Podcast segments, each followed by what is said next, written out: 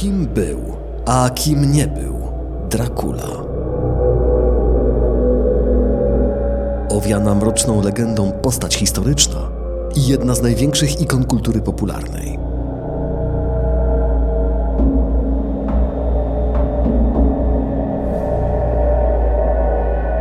Jak się naprawdę zapisał w pamięci potomnych? I kto uczynił go wampirem? Czy słynny gospodar Wołoski padł ofiarą ówczesnych fake newsów i hejtu? I co dziś mówi o nas fakt, że chcemy się bać wampirów? Kiedy już w drugiej połowie XX wieku do, do, do Rumunii doszły twory popkulturowe zrodzone z, z książki Brama Stokera, to by byli zażenowani, że z ich średniowiecznego władcy, który był legendą, ale legendą jako jako dzielny rycerz, książę walczący z Turkami o wolność. I, i nagle, nagle ktoś taki jest e, przetwarzany przez kulturę zachodnią jako, jako wampir. No to było, to było żenujące. Tak, tak sobie pomyślałem, że gdyby dzisiaj ktoś napisał powieść, gdzie załóżmy e, Tadeusz Kościuszko e, wstaje z grobu i, i poluje na, na ludzi w XIX-wiecznej Warszawie. No, nie, czuję się taką żenadę. No, no, no jest, jest w tym coś, coś nie, nie, nie, nie bardzo. No, ale, ale Stoker nie miał z tym, z tym problemu. Welcome to my home. Enter freely of your own will and leave some of the happiness you bring. Count Dracula. I am Dracula. Tak jak wampir zafunkcjonował na początku w tych e, wiktoriańskich powieściach jako rodzaj właśnie potwora, z którym się walczy, tak e, szybko ten wampir zaczął ewoluować. Wampir e, z tej wielkiej pijawki, bo, bo do tego się sprowadza Dracula w, u Brama Stokera, zaczyna ewoluować w stronę jakiegoś bohatera tragicznego. Wampir, który się właśnie tak wyszlachetnia, aż do, mm, dochodzimy do, do współczesnych wampirów, które nawet nie, nie, nie muszą się żywić krwią, prawda, bo mamy wampira wegetarianina na przykład. Mamy wampiry w high school, prawda? Mamy wampiry, które żywią się krwią produkowaną syntetycznie. You trust, excuse me that I do not join you. But I have already died. And I never drink wine.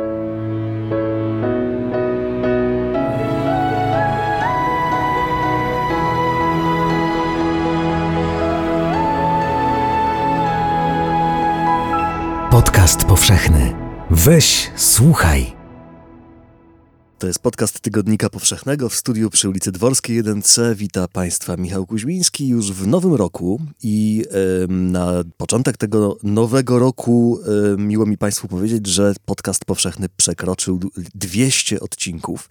Y, chcę też przypomnieć, uśmiechając się szeroko i dziękując, że podcast powszechny powstaje również dzięki wsparciu patronów w serwisie Patronite. Jeżeli ktoś z Państwa chciałby do tego zacnego grona dołączyć, to zapraszamy wyszukajcie Państwo podcast Tygodnika Powszechnego w serwisie patronite.pl. A dzisiaj ze mną w studiu Tygodnika Małgorzata Fugiel-Kuźmińska, antropolożka kulturowa, współautorka kryminałów, zbieżność nazwisk całkowicie przypadkowa. Cześć. Cześć. I Maciej Miller, dziennikarz Tygodnika Powszechnego. Przedstawiałem go Państwu jako dziennikarza trzech wielkich specjalizacji. Religia, medycyna i historia. Dzisiaj w roli historyka. Cześć Maćku. Cześć. Y, spotykamy się w tym zacnym gronie, mimo że w styczniu zupełnie nie jest to typowa pora na rozmowy o tej osobie, o której będziemy dzisiaj rozmawiać, bo zwykle rozmawia się o nim w okolicach Halloween, w okolicach początku listopada, a my tutaj w styczniu chcemy dzisiaj rozmawiać o niejakim Drakuli. Władzie Palowniku. Jedną z okazji do tej rozmowy jest y, artykuł Maćka, który ukazał się w numerze noworocznym y, tygodnika pod tytułem Zagadka Włada Drakuli.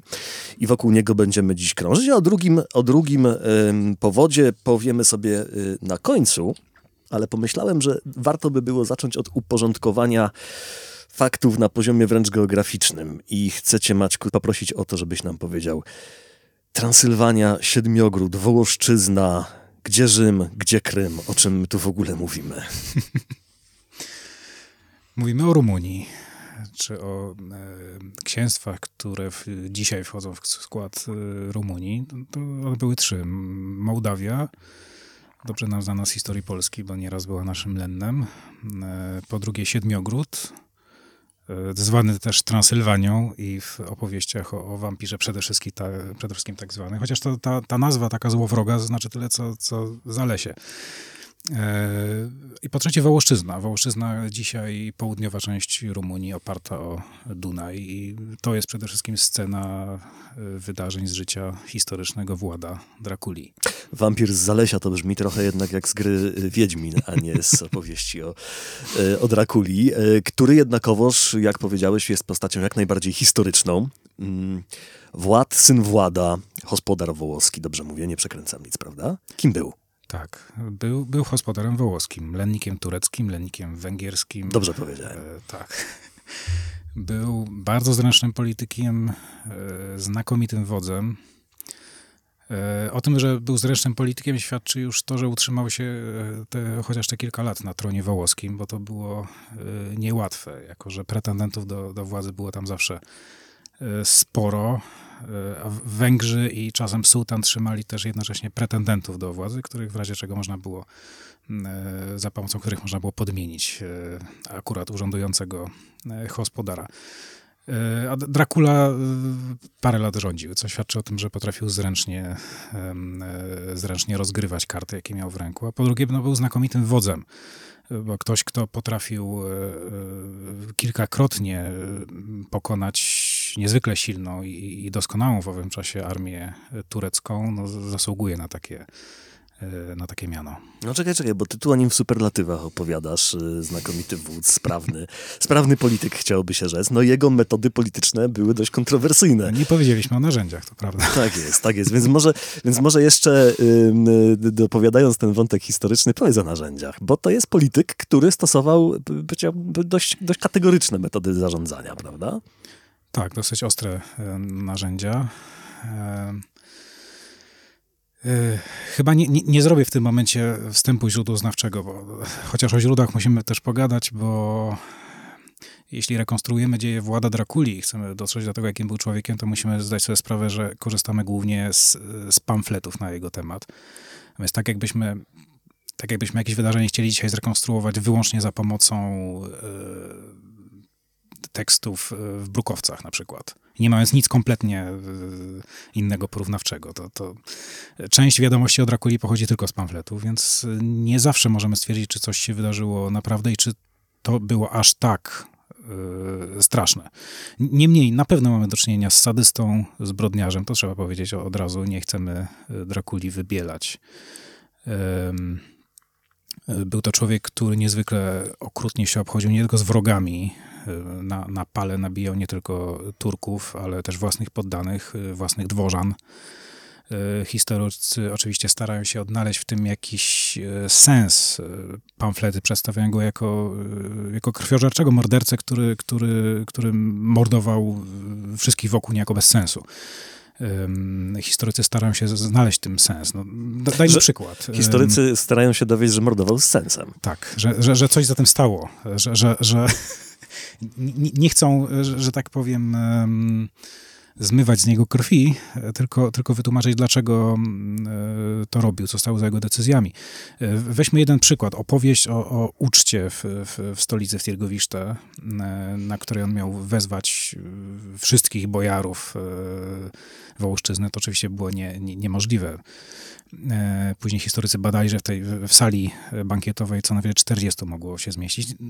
Odsuńmy to na razie na bok. Według, według legendy każdego każdego z osobna bojara pytał, ilu moich przodków zasiadało przede mną na tronie.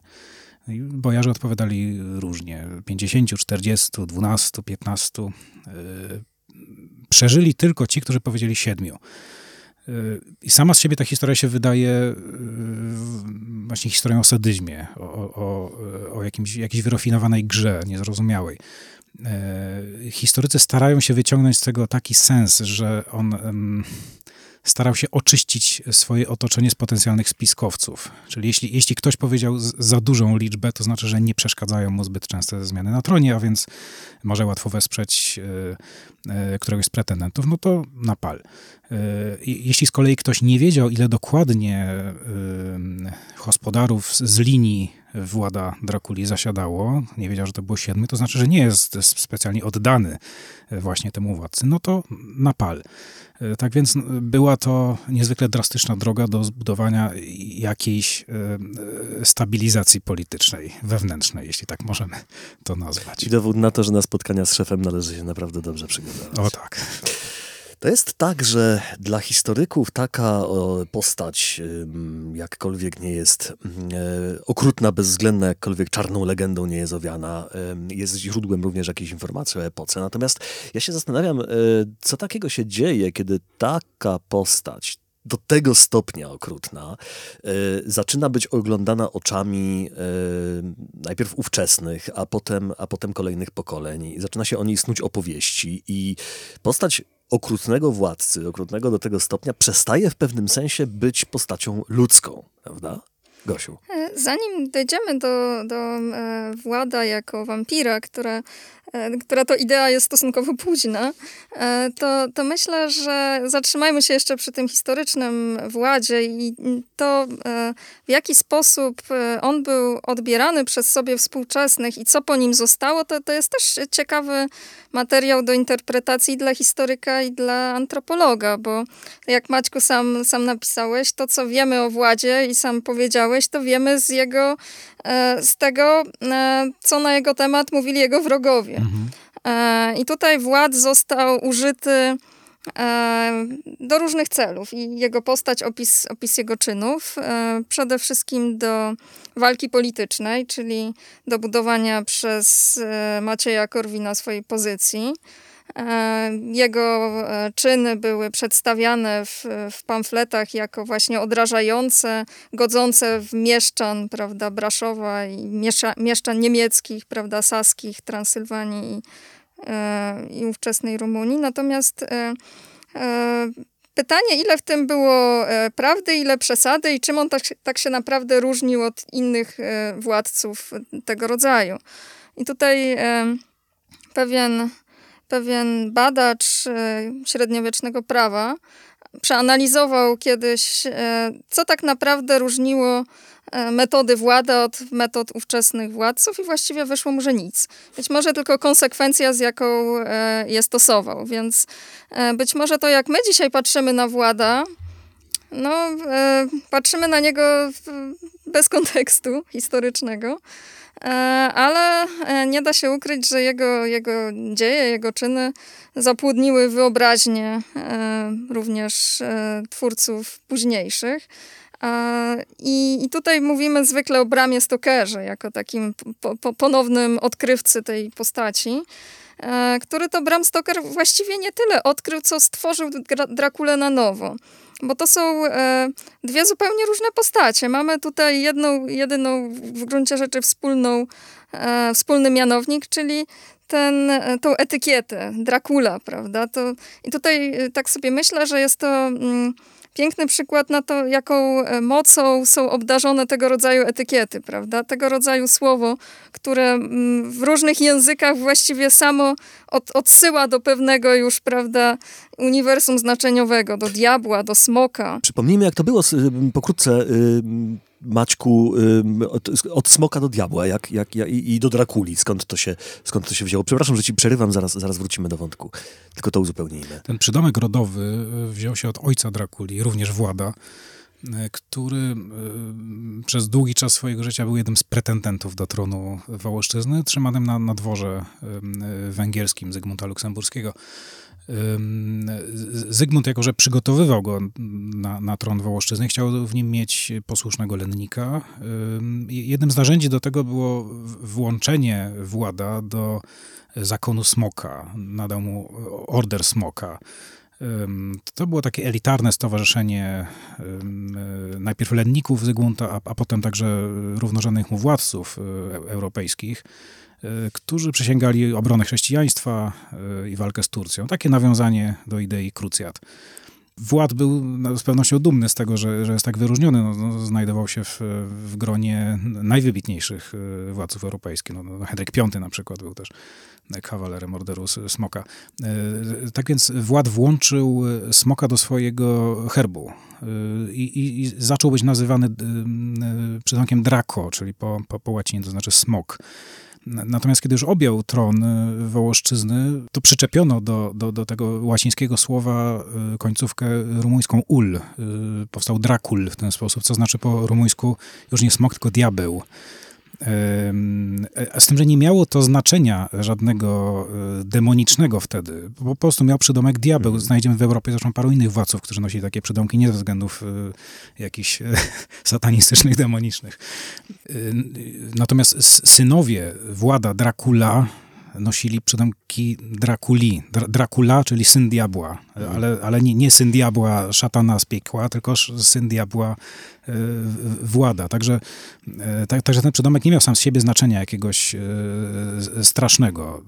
Przydomek straszny w przypadku naszego Drakuli juniora, no to brzmiał palownik. Mhm. Z, z, tego względu, że, że było to jego ulubione narzędzie sprawowania polityki. No ale jest to materiał na mocną etykietę faktycznie. Tak, zdecydowanie. I e, pytanie, jak odbyła się ta twórcza e, droga, którą przeszedł e, Bram Stoker, że z tego m, władcy, prawda, który również w Rumunii pamiętany był z, z tego, jak bronił e, m, chrześcijan przed Turkami, stał się nagle krwio, krwiożerczym wampirem. I Stoker poskładał tą postać e, z, z, różnych e, elementów. To postąpił bardzo postmodernistycznie, można by powiedzieć. To znaczy wziął sobie z różnych podań ludowych, ale też z zasłyszanych historii, to co mu pasowało właściwie. Planował napisać powieść wampiryczną. Wampiry to już nie był wtedy jakiś zupełnie nowy temat, to, to już jesteśmy po wampirze Polidoriego i po Carmili Sheridana Lefanu. To już jest y, romantyzm, prawda, za nami. Już jesteśmy w epoce wiktoriańskiej, e, więc e, sięganie po folklor i szukanie tam jakichś niesamowitych opowieści było jak najbardziej znane i nic tutaj nowego Stoker nie wymyślił.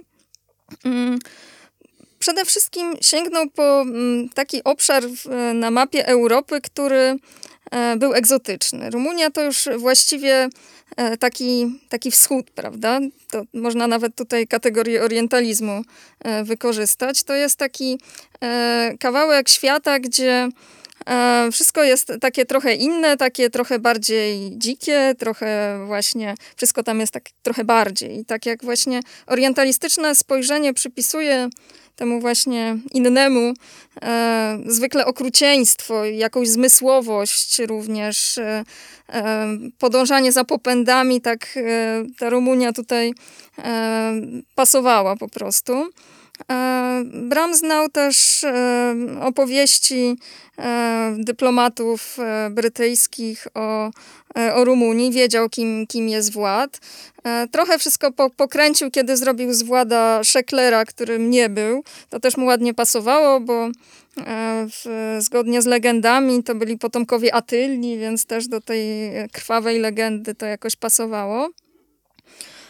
Nigdy w historii Wład nie był traktowany jako jakiś właśnie, nie wiem, wampir, prawda? No był dosyć e, surowym władcą, wielkim wojownikiem, ale nigdy jakby nie, nie, nie powstała na żadnym etapie żadna sugestia, że mogłoby tu być e, e, coś na rzeczy. To, to jest całkowicie wynalazek Brama Stokera.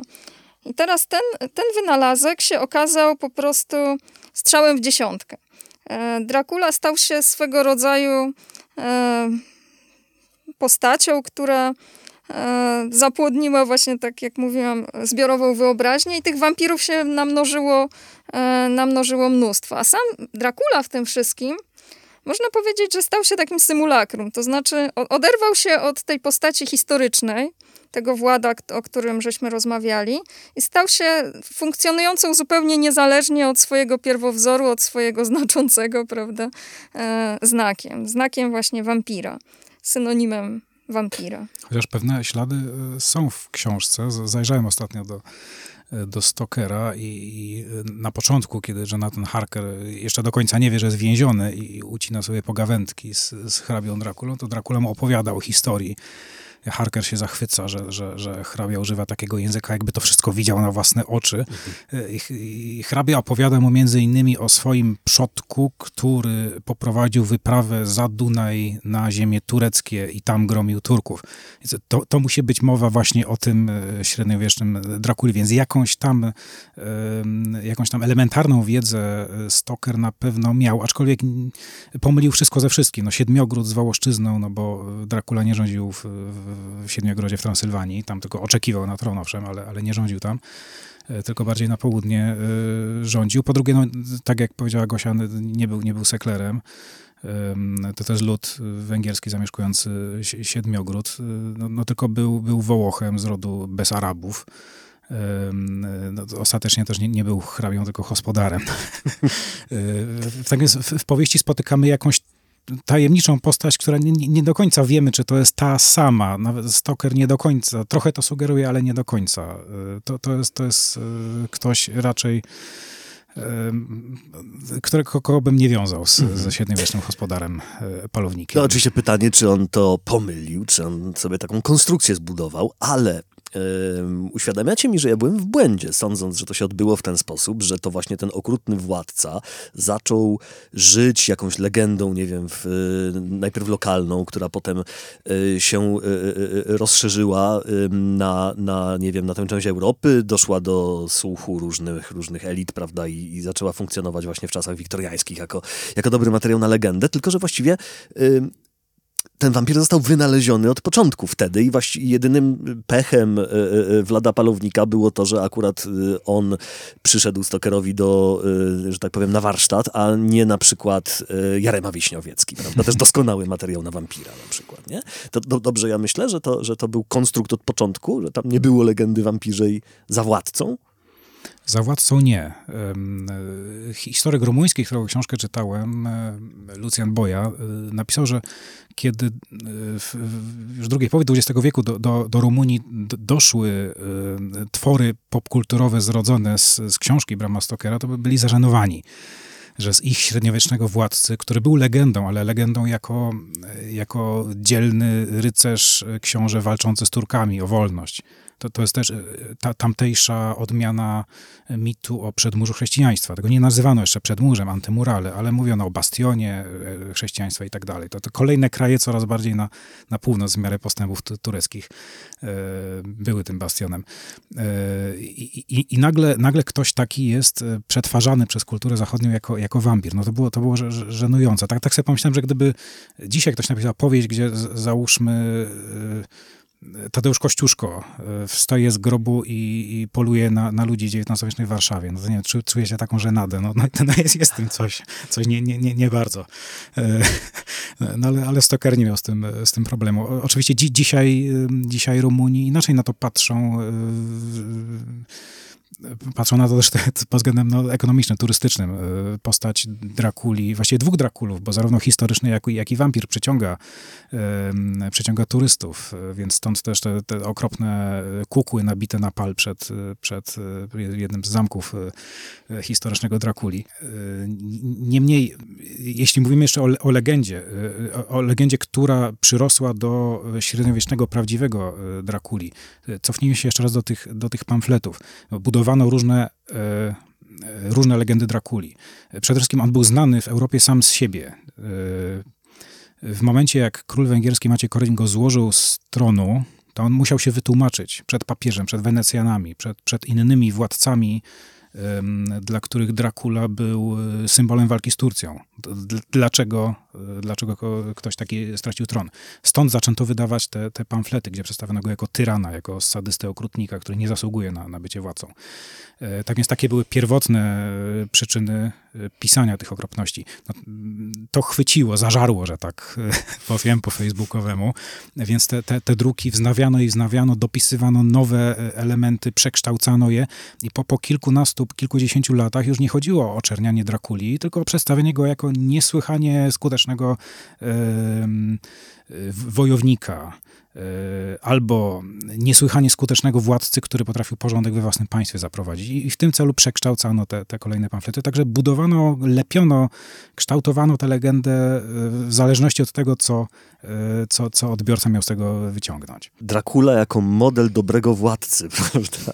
No, nie ma w tym nic dziwnego. W gruncie rzeczy podkreślano w tej właśnie powiedzmy pozytywnej w cudzysłowie legendzie Drakuli, że był on e, władcą surowym, ale sprawiedliwym, że on rozdawał razy, że się tak wyrażę, porówno zarówno swoim bojarom, jak i, jak i powiedzmy chłopom, więc e, pod tym kątem rzeczywiście mógłby, mógłby się podobać.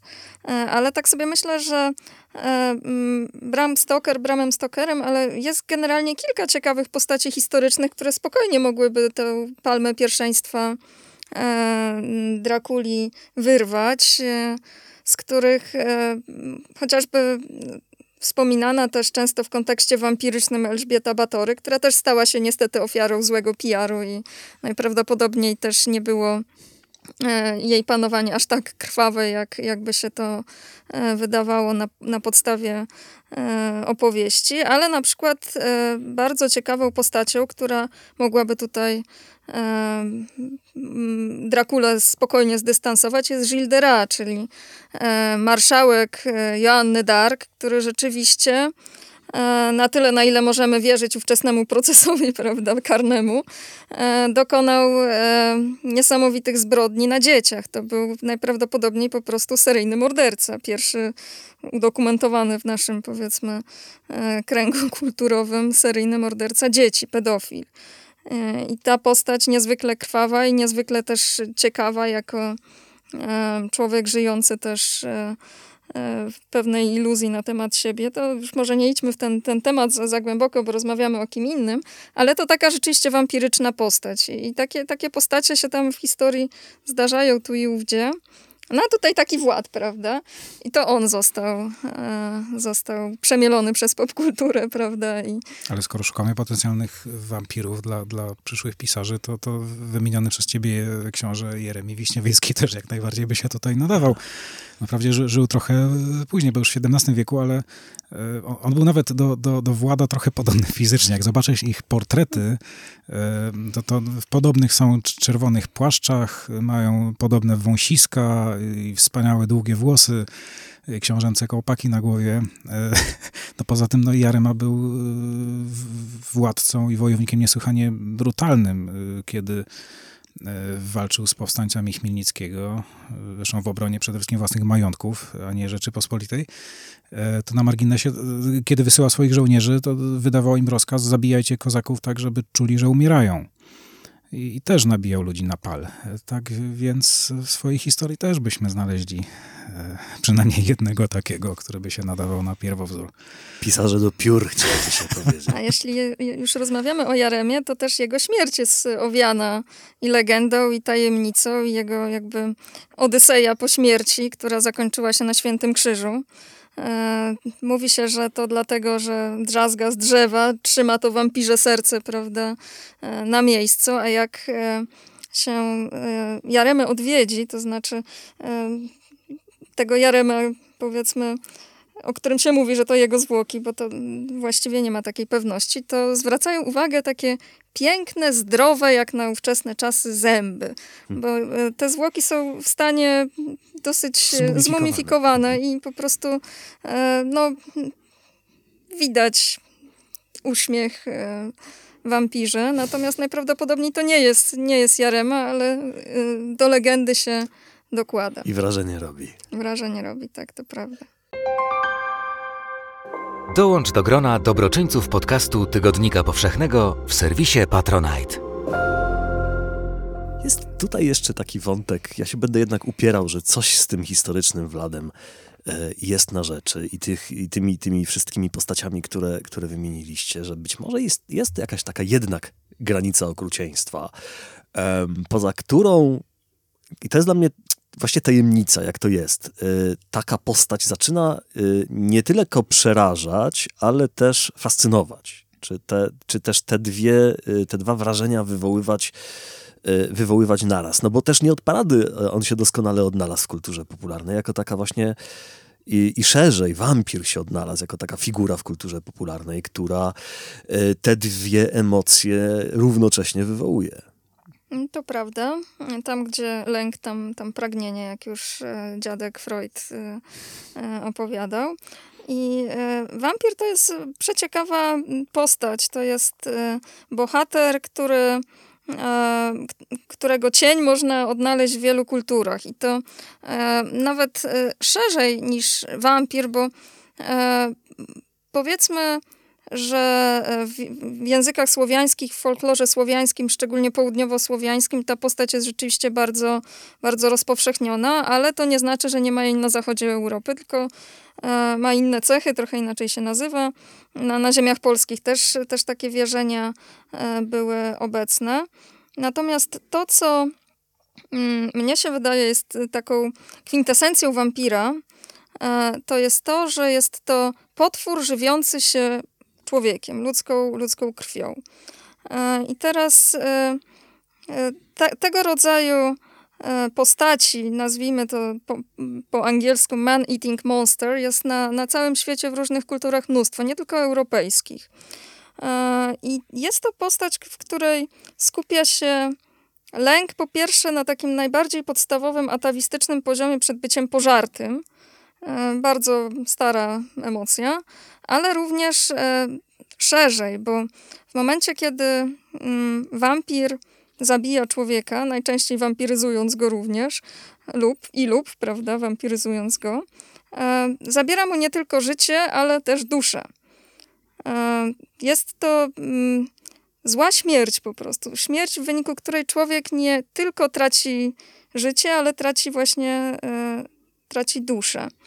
E, jeżeli e, szukamy na naszym kontynencie, to Mm, tabu krwi jest bardzo stare i oczywiście rozpowszechnione w wielu kulturach, ale można cofnąć się do Starego Testamentu, prawda, żeby nie, nie spożywać krwi, gdyż w niej, w niej jest życie. E, w tych kulturach, w których praktykuje się rytualny kanibalizm na przykład, e, nie jest ich dużo, całe szczęście. E, już spożycie stosunkowo niewielkiego kawałka przodka bądź wroga, prawda, w zależności od upodobań. No, tego, co chcemy uzyskać, prawda, daje już e, możliwość e, skonsumowania jego siły, jego mądrości. E, skonsumowanie w ten sposób to jest właśnie wchłonięcie, jakby anihilacja tego człowieka, pochłonięcie go przez, e, e przez tego potwora, utrata e, tego indywidualnego bytu, jakim jest dusza. E, więc, więc na tym podstawowym poziomie mamy strach przed byciem pożartym. Na kolejnym poziomie mamy strach właśnie przed tą złą śmiercią, bo zła śmierć to mogła być e, śmierć e, nie tylko w wyniku pożarcia, ale również śmierć, w wyniku której dusza e, nie zaznała spokoju. Mm, I tutaj wiele kultur i, i mm, europejskich i pozaeuropejskich zna takie właśnie postacie mm, zmarłych, którzy nie zaznali spokoju. I, I, ci zmarli są niebezpieczni. Oni są e, groźni, oni szkodzą, oni ludzi e, nękają. E, taka zła śmierć, w wyniku której człowiek zostaje gdzieś uwięziony pomiędzy, e, to jest ta właśnie e, nagła, niespodziewana śmierć, przed którą chcemy, żeby nas modlitwa, prawda, powtarzana często uchroniła. I e, śmierć to jest taka, taki moment, w którym człowiek jest naj, najbardziej chyba poza kontrolą. E, człowiek nie kontroluje własnej śmierci. E, I e, żeby ten lęk przed utratą kontroli nad, nad najbardziej chyba prawda, egzystencjalnie ważnym momentem oswoić, obudował ją rytuałami. Rytuał przejścia dookoła śmierci, czyli rytuały pogrzebowe, rytuały odchodzenia, są bardzo bogate i są bardzo stare. I one zostały bardzo późno zagospodarowane przez chrześcijaństwo i do dziś wiele z nich ma pewne niejasne, prawda, już zapomniane elementy, które są przedchrześcijańskie. I w, w tej właśnie momencie śmierci, kiedy człowiek jest tak bardzo poza kontrolą i tak bardzo stara się tę kontrolę przywrócić, te rytuały mają mu pomóc w sposób bezpieczny i przewidywalny trafić na drugą stronę. I w momencie, kiedy ten rytualny proces zostaje zaburzony, czyli na przykład człowiek odchodzi nie zgodnie z pewnym rytuałem w, w gronie rodziny, e, załatwiwszy swoje sprawy, nie, do, nie zostanie na przykład dopełniony rytuał pogrzebowy, to wtedy coś może pójść nie tak w tym transferze do kolejnej sfery. I, i takie e, śmierci, których właśnie nie ma kontroli, e, czy które są właśnie poza e, tym bezpiecznym rytuałem są no, niebezpieczne. I tutaj właśnie strach przed tą złą śmiercią, która może człowiekowi e, skomplikować ten bezpieczny transfer, jest też e, obecny. A trzecia rzecz, to już też wspominałam, czyli strach przed tym niebezpiecznym, złym zmarłym. Zły, zmy, zły zmarły to jest ten właśnie, który cały czas gdzieś nęka, wysysa krew albo próbuje przekazać jakieś swoje przesłanie, ale nie, nie zawsze e, może. I teraz tutaj znowu jesteśmy e, w obszarze, który został bardzo późno schrystianizowany, czyli właśnie w obszarze tych rytuałów związanych ze śmiercią. I dopiero stosunkowo późno, bo, bo w późnym średniowieczu pewne e, zwycięstwa na, e, na polu walki z tą właśnie armią e, zmarłych, która nas otacza, zostały poczynione, gdyż wcześniej jakby obecność zmarłych wśród naszego codziennego świata była właściwie uważana za no pewnik. Oni tam są gdzieś. To zmarli przodkowie, prawda? Ta taka podstawowa ludowa religia przodków się trzymała dosyć, dosyć mocno. Oni nigdzie nie odchodzili, oni gdzieś, gdzieś tam zawsze na horyzoncie byli. Dlatego też należały im się różnego rodzaju też e, ofiary albo e, pewnego rodzaju działania magiczne mające na, za zadanie ich udobruchać albo trzymać ich na, e, na dystans. To też relikty takich, takich działań magicznych też są w gruncie rzeczy zauważalne stosunkowo późno, żeby nie powiedzieć do dzisiaj. E, w każdym razie mm, ci zmarli, e, oni zostali przez Kościół po pierwsze odesłani w sferę demoniczną, uznano ich za istoty demoniczne, a z drugiej strony e, jako dusze czyśćcowe, prawda, odesłano ich już zupełnie w zaświaty. Ale co nie, nie, nie znaczy to, że, że, że, to się odbyło tak szybko i tak bez, bez, bezboleśnie. Bo ten zmarły, niebezpieczny zmarły, szczególnie właśnie ten, który umarł złą śmiercią, jest gdzieś tam, prawda, w figurze wampira obecny, bo, bo też wampir w, w takim popkulturowym wydaniu, czy, czy, czy nawet folklorystycznym, to jest właśnie wampiryzowany człowiek, ktoś, kto kiedyś był tacy, taki jak my, prawda? Kiedyś był człowiekiem, a teraz już nie jest, coś, coś się wydarzyło.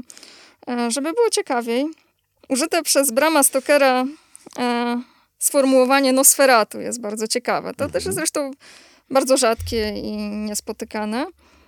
E, Nosferatu jest bliskie, to właśnie dzisiaj, dzisiaj zwróciłam na to uwagę, przeglądając, przygotowując się do tej rozmowy, rumuńskiemu e, frazeologizmowi fałszywy brat, czyli e, właśnie jakiś zły, zły sobowtór, może, można, można tak nawet e, interpretować. E, więc wampir jako E, lęk przed pożarciem, wampir jako lęk przed złą śmiercią, wampir jako lęk przed tym niebezpiecznym zmarłym i, jako, i jakby lęk przed tym, że, że ten, ten zmarły nasz bliski, dobry, prawda, kochany, nie wiem, partner czy, czy, czy rodzic może się okazać e, jakąś groźną, groźną istotą. A kiedy słucham, jak opowiadasz o tym strachu, to mi się przypomina scena z, z z pana Wołodyjowskiego. Jak Baśka Wołodyjowska już wyrywała się z rąk Azji i ucieka z, z, z Raszkowa do Chreptiowa, te kilkadziesiąt chyba kilometrów, e, ona e, bardziej boi się, bardziej niż wilków, niż innych dzikich zwierząt, niż dzikich ludzi, niż Tatarów, których Azja tam pozostawiał w innych miastach, boi się upiorów, różnych wampirów, wilkołaków, które jak ją wcześniej nastraszono w, w, w czasie e, jakichś nocnych posiadów w, w Hreptiowie, te, te ziemie obfitują ze względu na to, że tam e, od, od, od kilkudziesięciu lat trwają nieustanne wojny. E, to wielu ludzi na tych terenach odeszło na, na, na, na inny świat, nie pogodziwszy się z Bogiem ani z ludźmi, właśnie nie, nie, nie pozałatwiawszy swoich spraw, dlatego te lasy miałyby obfitować w takie straszne stworzenia. Ona, ona nawet sobie postanawia, że nie będzie się bała, jeśli zobaczy jakieś oczy y, nisko nad ziemią, przerazi się dopiero, jeśli zobaczy jakieś oczy na wysokości y, głowy ludzkiej. Oczywiście chwilę później umysł upłata jej figiel i ten strach w każdym razie jest, jest znamienny. Warto zaznaczyć, że to się dzieje przecież nad, nad Dniestrem. Zaraz mhm. za, za, za Dniestrem jest Mołdawia, czyli, czyli już jedno z księstw rumuńskich, a, a, a szczególnie właśnie tamte tereny obfitowały w, w legendy ludowe o, o wampirach i innych upiorach. O miarą tego strachu jest chyba to, że jak się to sprowadzić do takiego podstawowego poziomu, to można odetchnąć z ulgą, że to na szczęście tylko Tatarzy, prawda? Ale bardzo ciekawą rzecz powiedziałeś y, i poruszyłeś taką kategorię, że tak uczenie powiem, jaką jest pogranicze. I y, ono na takim podstawowym, realnym poziomie jest tutaj też istotne w tej legendzie y, i opowieści o historycznym Władzie Palowniku, czyli tym władcy, który, no, którego brutalność metod, wynikała poniekąd również z tego, że pracował na wyjątkowo trudnym terenie, prawda? No jednak na tym, jak powiedzieć, przedmurzu chrześcijaństwa, w takim półdzikim e, e, obszarze, no gdzie, gdzie być może twardszej ręki trzeba i to chyba też pobrzmiewa, piszesz o tym w swoim tekście, w tym jak się, jakby dlaczego się dzisiaj na przykład w Rumunii wybacza Władowi jednak jego, powiedziałbym, wyjątkową surowość. -hmm. Nie, chciałbym, żebyśmy mówili o jakiejś dzikości tych krajów, bo to, to były to tereny niesłychane bogate y, kulturowo. Ja przepraszam, to się... okropnie zabrzmiało, to było bardzo, bardzo orientalistyczne z mojej strony, wycofuję się. Tam przenikały się kultury no, i, i, i turecka, i, i rozmaite bałkańskie, i węgierska, i niemiecka. Tam były miasta niemieckie. Jak się dzisiaj zwiedza Braszów czy Sybin, to przecież to, to zapiera dech w piersiach zupełnie. Tak jest. I, i y, już bardziej w Mołdawii, ale, ale Polska ruska w rozmaitych swoich odmianach. Y, tak więc to, to, to, były tereny y, kulturowo na pewno bardzo ciekawie. Nie, nie, wiem, czy ktoś z nas chciałby tam mieszkać. Myślę, że jakbyśmy by nam przyszło żyć w tamtych czasach, to chyba troszkę bardziej na północ w państwie Kazimierza Jagiellończyka byśmy je czuli trochę bezpieczniej niż za, za włada Drakuli. Y, niemniej masz rację, że, że, że niesłychanie trudno było tam rządzić, bo właściwie funkcjonowało się w warunkach nieustannej wojny domowej swojego tronu trzeba było nieustannie pilnować przez wszystkimi e, braćmi, krewniakami, dalszymi, bliższymi. E, no to, to była taka gra o tron. Mhm. Nawet trochę bardziej skomplikowana, bo, bo, bo jednocześnie od południa z swoich pretendentów, pretendentów mogli osadzać Turcy, od północy e, Węgrzy. Władcy Wołoszczyzny byli naraz lennikami dwóch różnych państw. To było w ogóle kuriozum. Dracula był lennikiem węgierskim, a opłacał trybut y, sułtanowi. To samo wcześniej jego ojciec y, musiał zrobić. Właściwie nie, nie było wyboru. I każdy z nich tracił tron z, z, ręki któregoś z tych wielkich y, władców, no bo przestał się podobać. Tak więc no, zawsze się było ty, tym, tym kimś słabszym, kto, kto, kto musiał niesłychanie lawirować. No, to z pewnością rodziło też tą niesłychaną brutalność w, w walce politycznej o, o władzę i, i, i, wewnątrz, i na zewnątrz. Dracula trochę się tutaj, ten młodszy, ten właściwy palownik, tym się wyróżniał, że on próbował przejąć inicjatywę on, on, szybko przestał się podobać e, władcy węgierskiemu, Korwinowi, którego osadził na tronie. No i Korwin zrobił to, co zawsze robili władcy węgierscy, czyli w Siedmiogrodzie, tuż za granicą e, Karpat, osadził pretendentów w miastach, miastach niemieckich, właśnie w Sybinie, Braszowie. I, i, I Dracula przejął inicjatywę. Nie czekał, że oni wkroczą, tylko sam wkroczył. Rozpoczął wojnę z tymi miastami, miastami złupił je, ich mieszkańców ponabijał na pale. Stąd zaczęła się rodzić ta legenda, bo tam w tych niemieckich miastach to pamiętano. To, to, to mieszczanie Braszowa potem opowiadali te, te historie, które zamieszczono potem niesłychanie chaotycznie, mieszając wszystko ze wszystkim w tych, w tych pamfletach. Tak więc Dracula był, był skuteczny, ale, e, ale działo się to właśnie takimi metodami, potwornymi. Mhm. A słusznie mi się to, to, ten termin, ta kategoria pogranicze kojarzy również z takimi właśnie sytuacjami, jakich opowiadałaś Gosiu wcześniej, czyli tych, tymi sytuacjami przejścia, prawda, z, te, z, te, z tę na tamtą stronę i z tym wszystkim, co się może wydarzyć pomiędzy. Tak, bo a, wampir jest postacią w gruncie rzeczy bardzo liminalną, czyli, czyli graniczną, marginalną. E, to nawet... Bram Stoker użył takiego słowa na określenie Drakuli, który jest bardzo liminalny, to znaczy undead, to jest nieumarły. Co to znaczy nieumarły? To jest taki byt, który nie jest ani żywy, ani martwy. E, no, czyli utknął gdzieś na granicy między e, życiem a śmiercią i żyje jakimś takim paradoksalnym, dziwnym życiem, które e, nie jest ani życiem biologicznym, prawda, ani nie jest życiem czysto nadprzyrodzonym, bo jednak ży, żywi się e, ludzką krwią. E, I właśnie wampir jako taka postać, która przemyka po, po, po tych marginesach, e, ona też jest pod tym kątem ciekawa, że wampir jest taką postacią, która może funkcjonować jako człowiek, udając człowieka, to też właśnie mm, Bram Stoker wykorzystał. Wład kupuje posiadłość e, w Londynie, przyjeżdża tam, e, zaczyna tam funkcjonować. E, E, no, Swoją a... drogą, że się wtrącę, chyba tylko Alik mógł wymyślić, że, że rumuński wampir będzie za, za pośrednictwem notariuszy tak, kupował tak, tak. nieruchomość zachowaniem lege artis po prostu. Potwór, ale dżentelmen. Tak. tak, ale to jest właśnie bardzo, bardzo ciekawy mhm. kolejny wątek, którego już może nie będę teraz e, otwierać. W każdym razie e, wampir może udawać człowieka, ale no, człowiekiem nie jest. E, Wampir może pozornie funkcjonować społecznie, ale z drugiej strony on jako, mm, jako ta postać nadprzyrodzona, nieumarła, nie jest ograniczony tymi ograniczeniami, jakie niesie człowiekowi jego po pierwsze fizyczność, a po drugie jego pozycja społeczna. Bo jak się przyjrzymy postaciom wampirów już w popkulturze później, bo też e, trochę ten wampir w folklorze, a wampir w popkulturze to są też dwie, dwie różne postacie.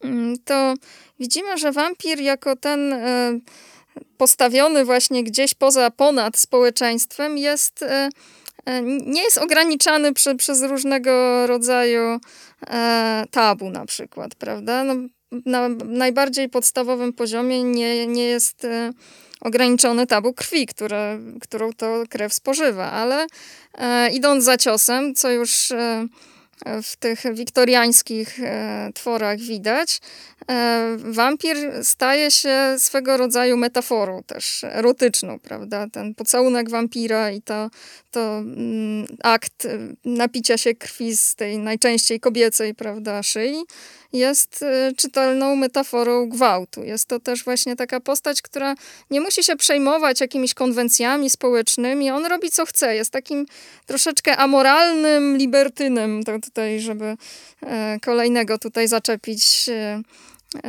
ciekawego bohatera popkultury i również autora. E, natomiast e, właśnie ta, ta jego marginalność, to, że on funkcjonując na tym pograniczu ani tu, ani tam, prawda, jego nie obowiązują żadne normy. I, i to jest coś, tutaj już zaczęliśmy o, od lęku, co, z czym możemy wejść w tą sferę pragnienia. Bo mm, tak jak wampir zafunkcjonował na początku w tych e, wiktoriańskich powieściach jako rodzaj właśnie potwora, z którym się walczy, tak właśnie jak walczy Van Helsing i jego e, dzielna gromadka, prawda, e, pięknych i szlachetnych, najczęściej właśnie dobrze urodzonych przedstawicieli kultury zachodu, tak szybko ten wampir zaczął ewoluować i zaczął ewoluować w taką stronę która doprowadziła do bardzo ciekawych e, jakby konkluzji, bo wampir e, z tej wielkiej pijawki, bo, bo do tego się sprowadza Dracula w, u Brama Stokera. On nie ma tam żadnych, nie wiem, dylematów e, moralnych, nie ma, e, nie przeżywa żadnej, żadnego dramatu, ani nie ma jakichś przemyśleń na temat własnej nieśmiertelności, ceny, jaką płaci za to, kim jest i tak dalej. On po prostu pije krew i to jest jego jakby jedyna, jedyne, co go, co go definiuje.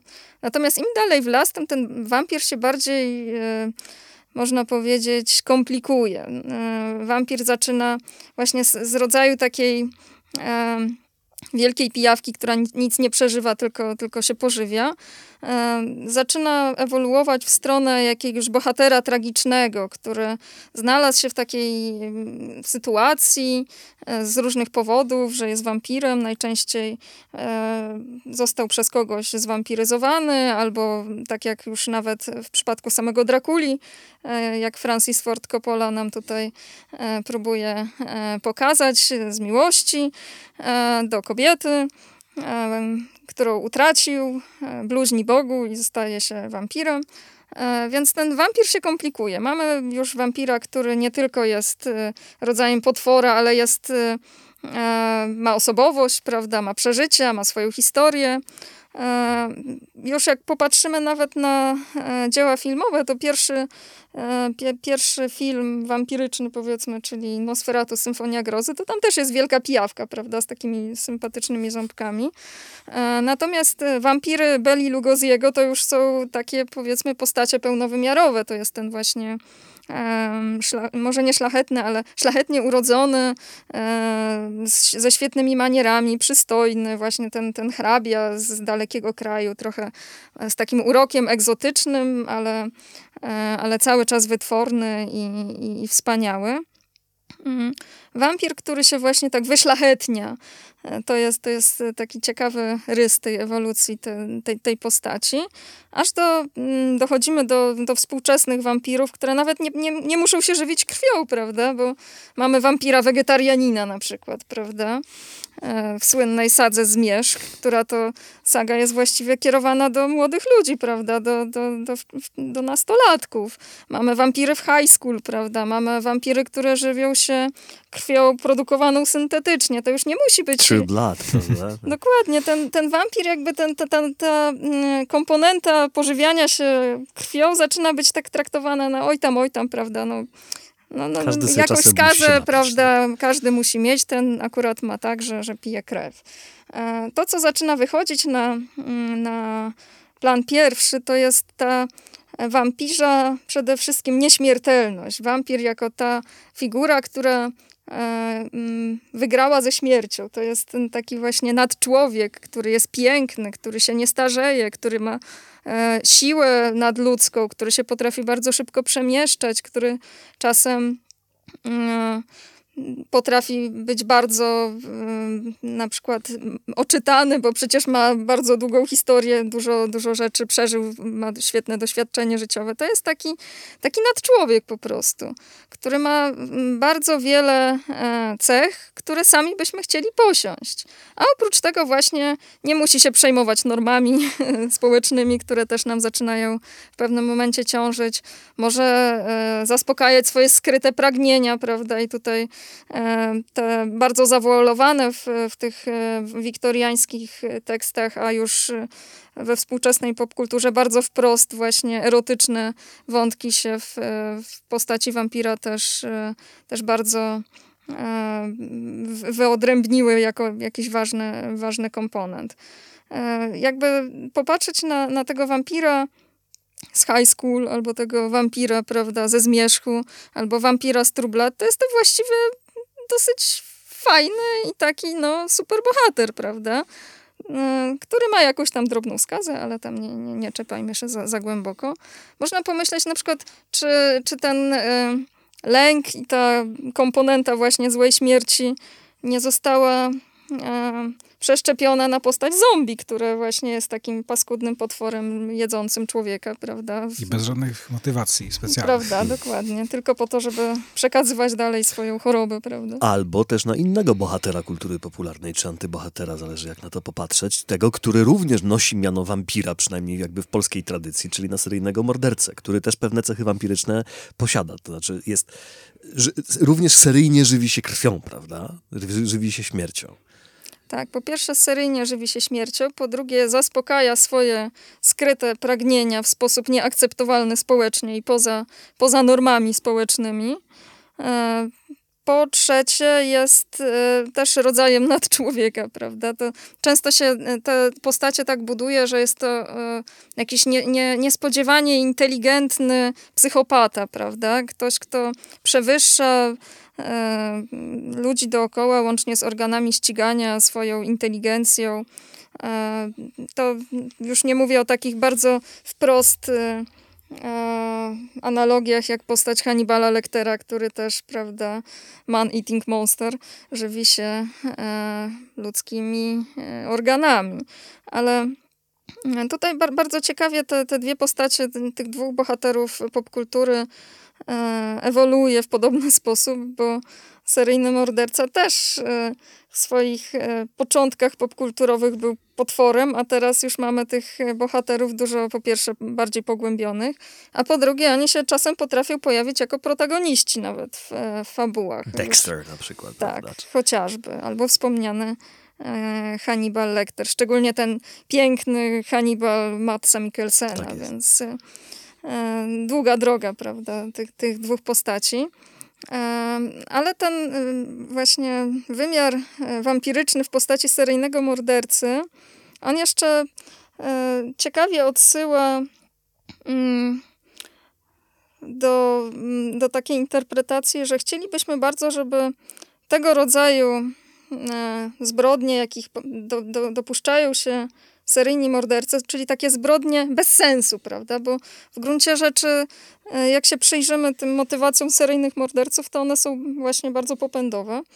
E, żeby je tak wyrzucić poza nawias człowieczeństwa, że to jest człowiek, właściwie trudno powiedzieć nawet, no, wampir, potwór, prawda, coś, coś nie z naszego świata. Ja to nie, nie jestem taki jak on, to, to my nie dzielimy naszego jakby e, genotypu, prawda. Mówię oczywiście metaforycznie, mhm. prawda? Ale chodzi mi o to, że e, bardzo byśmy chcieli wierzyć w to, że człowiek taki nie jest. Że nie jest ani sadystycznym władcą, który wbija swoich e, poddanych na pal, ani nie jest e, seryjnym mordercą, który wycina swoim ofiarom wątrobę i spożywa je z cebulką, więc wy, wysyłamy te postacie gdzieś poza nawias człowieczeństwa, poza, poza nasze właśnie wyobrażenie o człowieku gdzieś w jakąś taką demoniczną sferę. No teoretycznie, jak mówisz o, o masowym mordercy, to ta myśl powinna nas też odsyłać do, do Włada Palownika, no bo Dokładnie. w jakimś sensie był kimś takim, a jednak y, jego legenda poszła nie w tym kierunku. Mhm. Mówiłem już o tym, jak jego legendę kształtowano, jak ona się zmieniała, y, jak, jak y, różne cele sobie stawiano.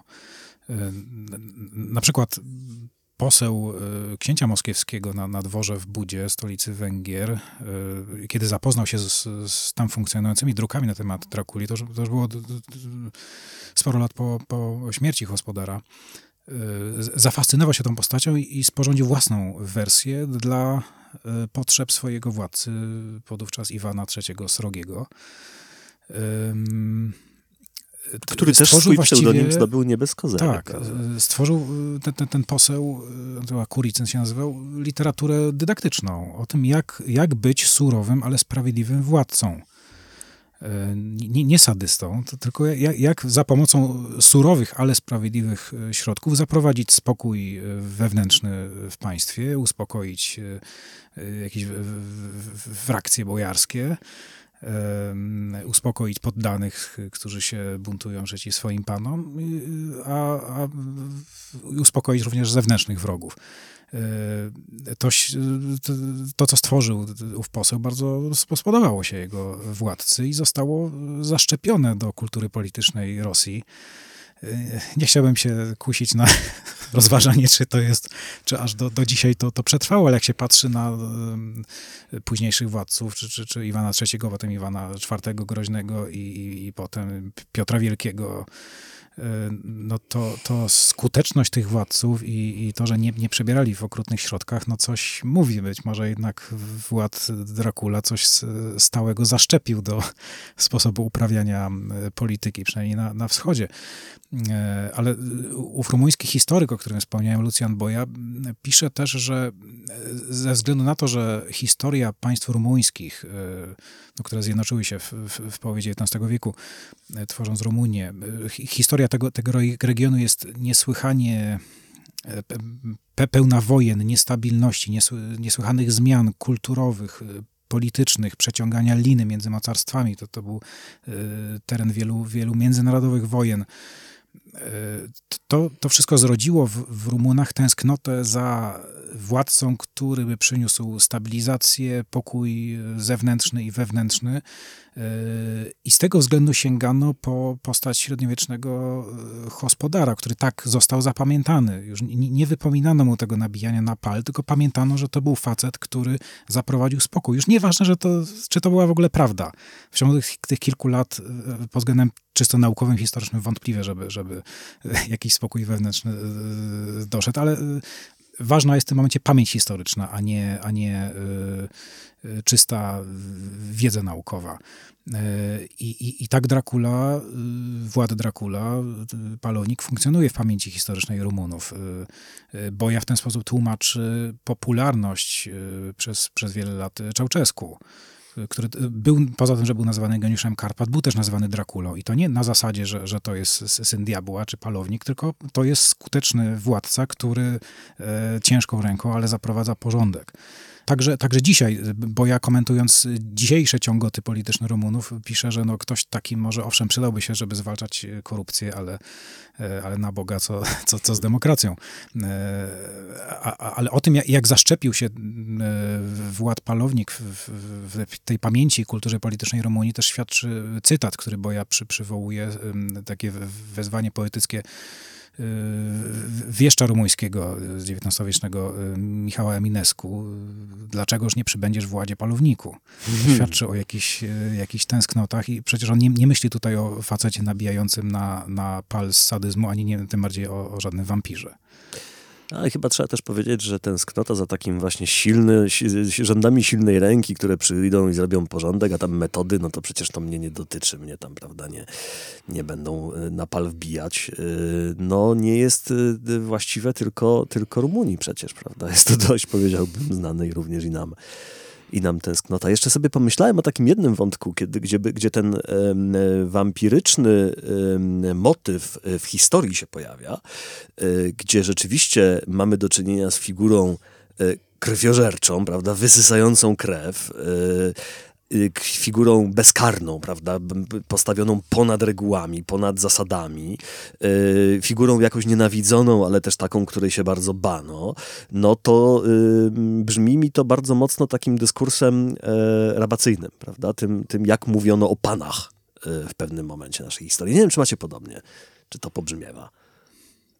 Chociażby w postaci złego pana z dziadów, prawda, który też jest upiorem, prawda, i za swoje zbrodnie, których się dopuścił wobec swoich, e, e, swoich chłopów, zostaje skazany na wieczną, wieczne potępienie.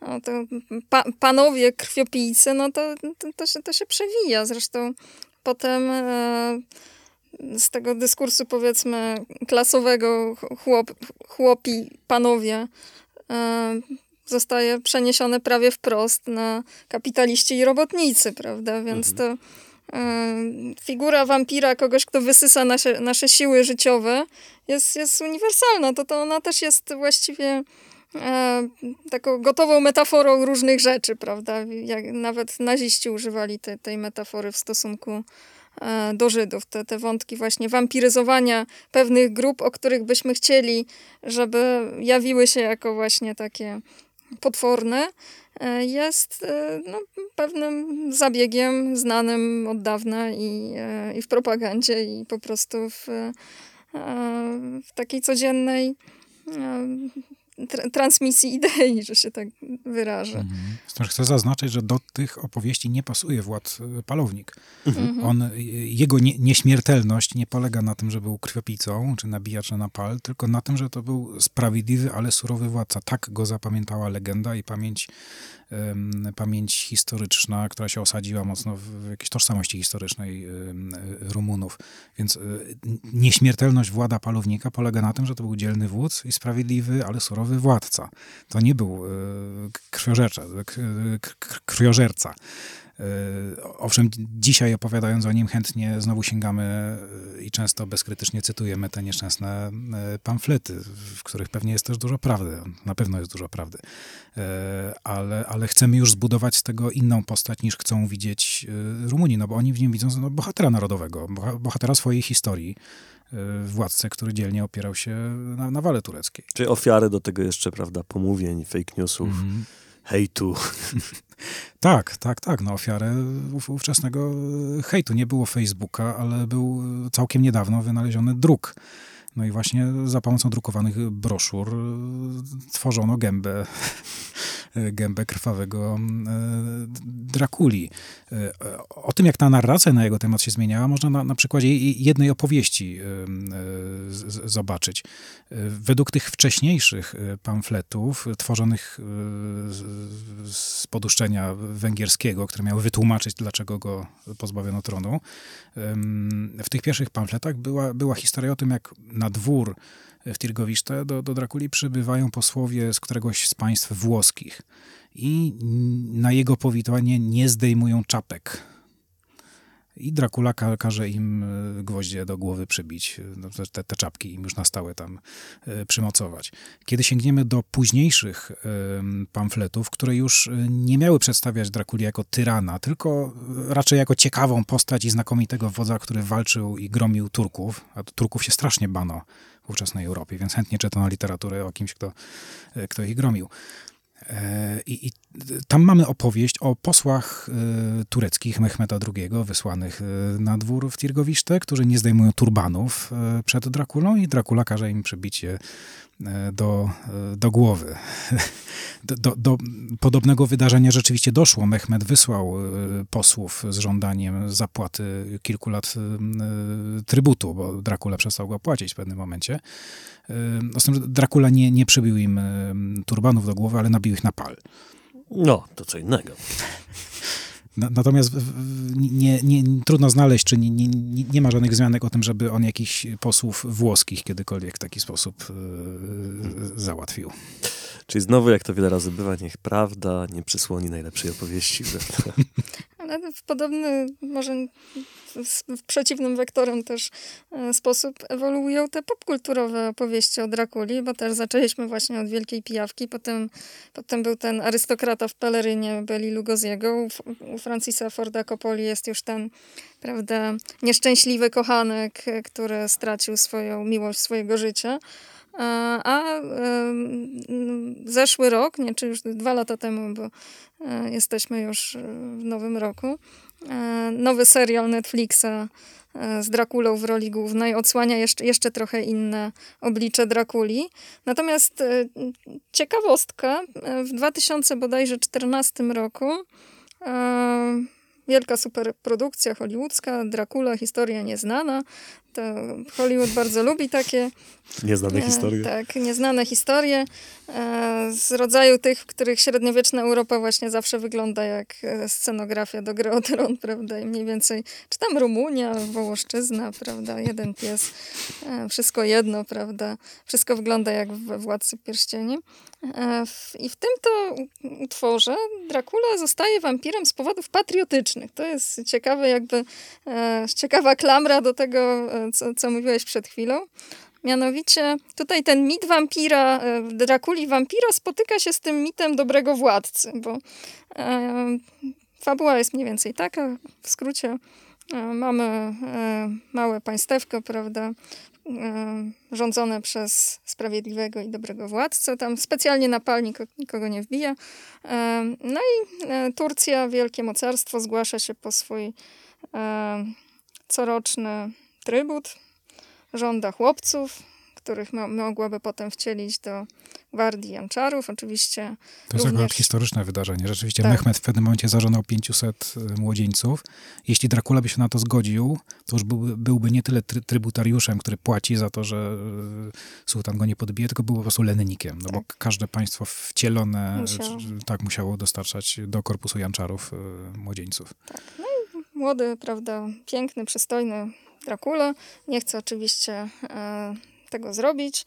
E, bardzo pragnie uchronić swój lud od takiego wydarzenia.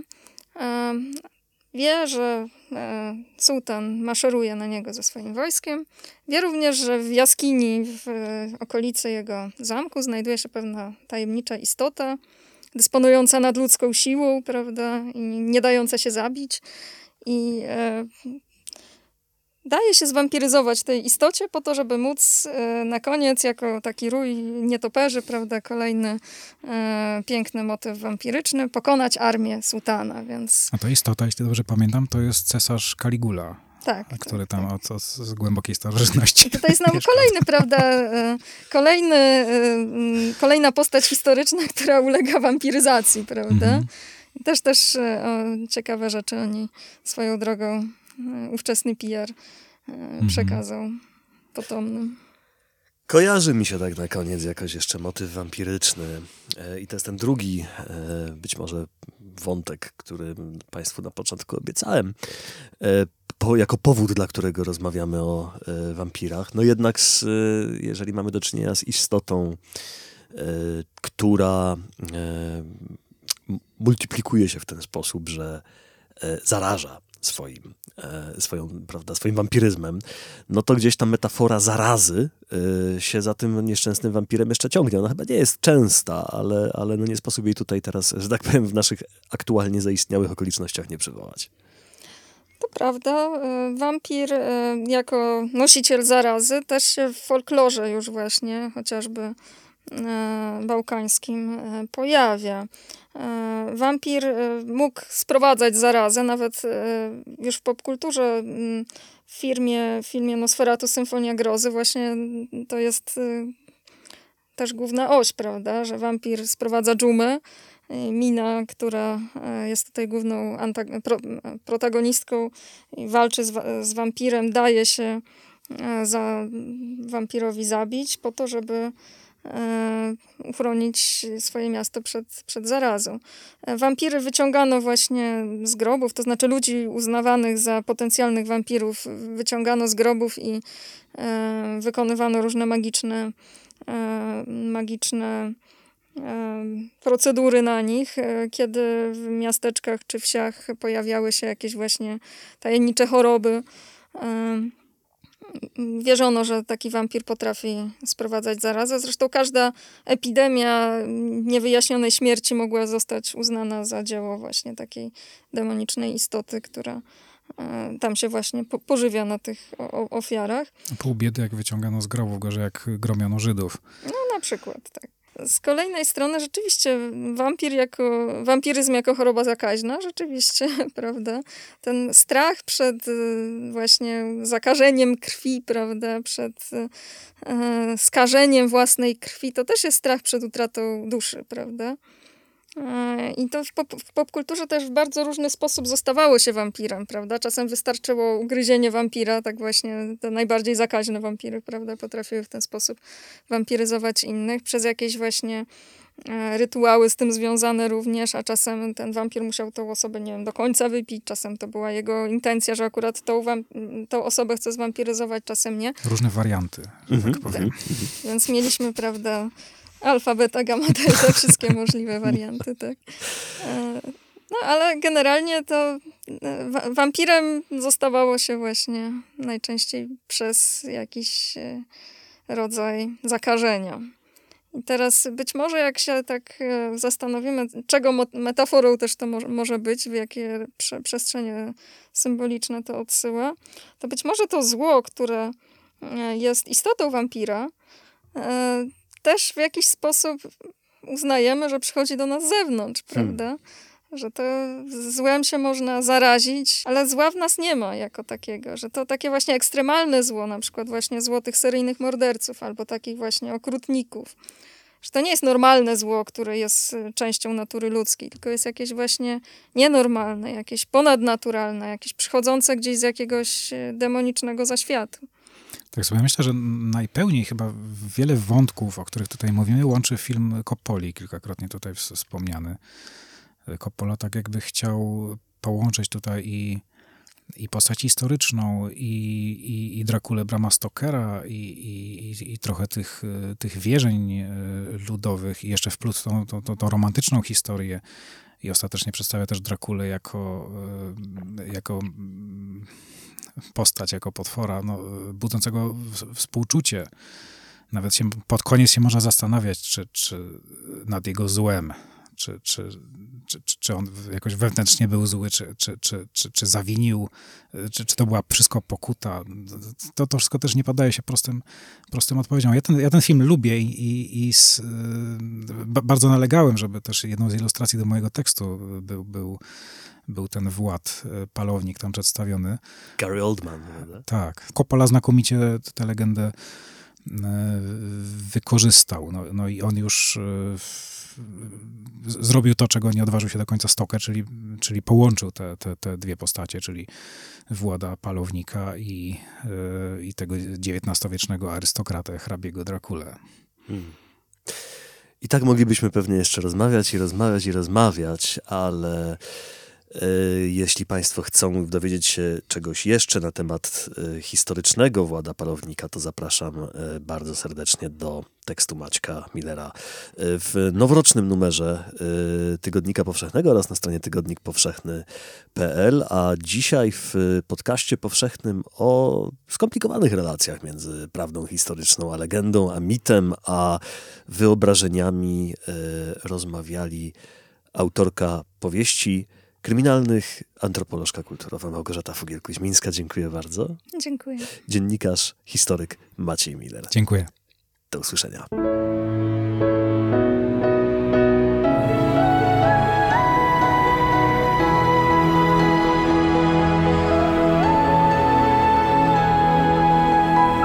Podcast powszechny. Weź, słuchaj. Jeśli słuchają nas Państwo w Spotify albo w Apple Podcast, zasubskrybujcie nasz kanał. Jesteśmy też w Google Podcast i w aplikacji Lekton oraz na www.tygodnikpowszechny.pl/podcast. Wykorzystano dźwiękowy cytat z filmu Francisa Forda Coppoli Dracula.